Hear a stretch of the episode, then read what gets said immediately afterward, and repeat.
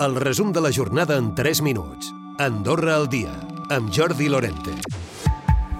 La sostenibilitat com a principal requisit per atorgar llicències d'obra. El ministre de Territori ha anunciat els criteris que farà servir el govern per donar llum verda a la construcció. Es mirarà que no tingui grans afectacions al subministrament d'aigua, que tampoc carregui en accés la xarxa elèctrica i fins i tot que no sigui un problema per a la xarxa viària serà molt més restrictiu tot plegat amb l'objectiu de frenar un creixement que sobre el paper podria anar-se'n als 3.300.000 habitants si tot el sol privat es pogués ocupar de construcció.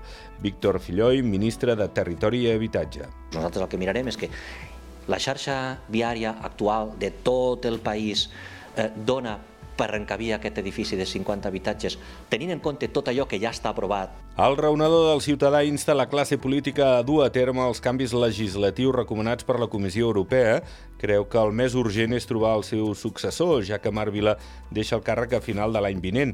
També apunta la necessitat de dimensionar el seu equip per dur a terme totes les millores proposades. Marc Vila. Espero que sigui així, que realment la classe política en general, perquè necessita de consens global, eh, està disposada a fer un salt en defensa de la, de, dels drets humans a Andorra. Per poder portar una cosa al Constitucional s'ha de tindre aquí un equip que treballi, un equip de juristes, etc etc.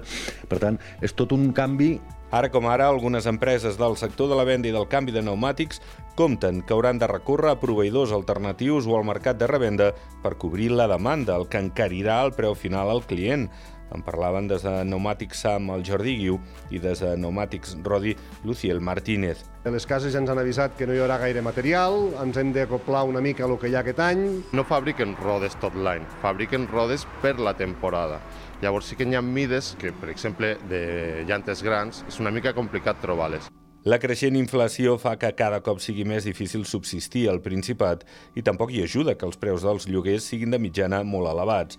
La Creu Roja preveu la possibilitat que hagi de donar més suport als desafavorits. En parlava el director de l'ONG, Jordi Fernández. La situació econòmica doncs, es, es complicaria tant doncs, que ens, se'ns requeriria molt en la botiga solidària i que hauríem de posar més mitjans.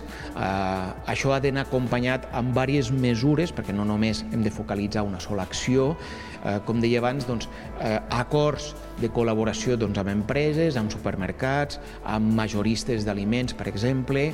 Eh, això és una via. I tornant a la qüestió de la construcció, el concurs per atorgar llicències de centres de transferència provisional de terres ha quedat desert. El govern el va convocar al setembre com a solució temporal a la manca d'espais on dipositar els residus de la construcció. Recupera el resum de la jornada cada dia a Andorra Difusió.